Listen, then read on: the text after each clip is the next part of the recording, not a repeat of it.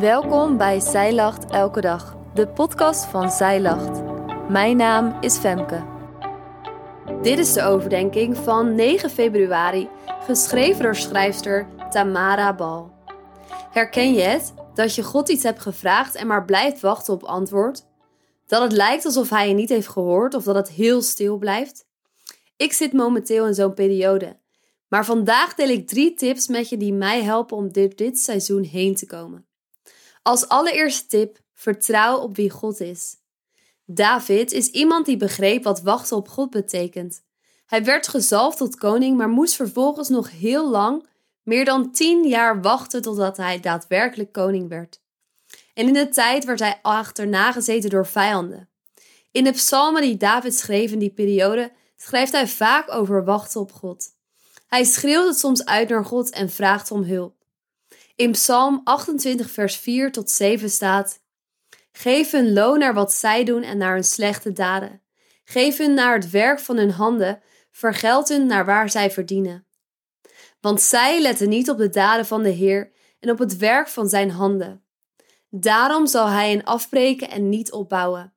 Geloof, zei de Heer, want hij heeft mijn luide smeekbeden gehoord. De Heer is mijn kracht en mijn schild. Op Hem heeft mijn hart vertrouwd en ik ben geholpen. Daarom springt mijn hart op van vreugde en zal ik Hem met mijn lied loven. De tweede tip is spendeer tijd met God. Als jij jouw vragen, zorgen of problemen bij God hebt neergelegd, is het belangrijk dat Hij ruimte krijgt om te spreken. Soms zijn er momenten waarop God spreekt, maar zijn we te druk met andere dingen om Zijn stem te verstaan. Toen ik laatst met iemand deelde dat ik iets bij God had neergelegd en ik ongeduldig op antwoord aan het wachten was, confronteerde deze persoon mij en zei: Je hebt gebeden en dit bij God neergelegd, maar vervolgens ben je verder gegaan met je leven en neem je niet de tijd om te luisteren. Je moet God ruimte geven om te spreken. Auw, die kwam binnen. En misschien is het ook wel herkenbaar voor jou. De houding van ons hart is zo belangrijk. Sindsdien neem ik langer de tijd om te bidden ik neem bewust momenten waarop ik stil ben om God te laten spreken en leef minder gehaast. Als een lied me aanspreekt of als ik ervaar dat God iets tegen mij zegt, schrijf ik het op. Het is misschien nog niet het concrete antwoord waar ik naar zoek, maar het gaat om de relatie met God. Ik wil tijd met Hem doorbrengen, zodat ik dichter naar Hem toe groei en Hem de ruimte geef om tot me te spreken. De derde tip is: leef in het nu. God vraagt ons niet om in het verleden te blijven hangen of om ons zorgen te maken over de dag van morgen. Hij vraagt ons om Hem te dienen in het hier en het nu. En ook als de moeilijkheden je overstijgen of als de problemen niet opgelost lijken te worden, is God erbij. Hij is bij je in het hier en nu.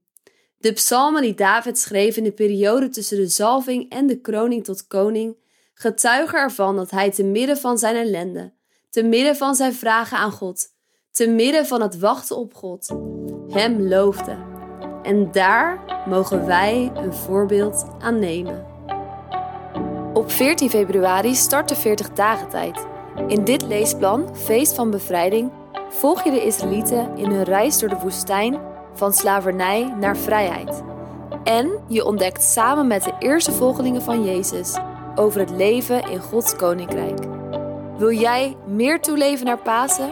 Bestel dan dit 40 dagen tijd leesplan via onze webshop. Dankjewel dat jij hebt geluisterd naar de overdenking van vandaag. Wil je de overdenking nalezen? Check dan onze website.